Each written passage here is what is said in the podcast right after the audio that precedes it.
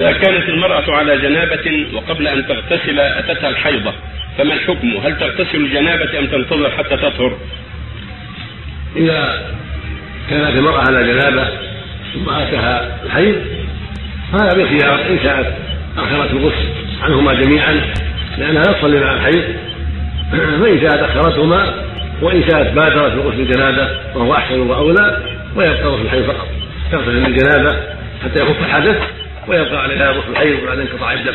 هذا هو الأولى.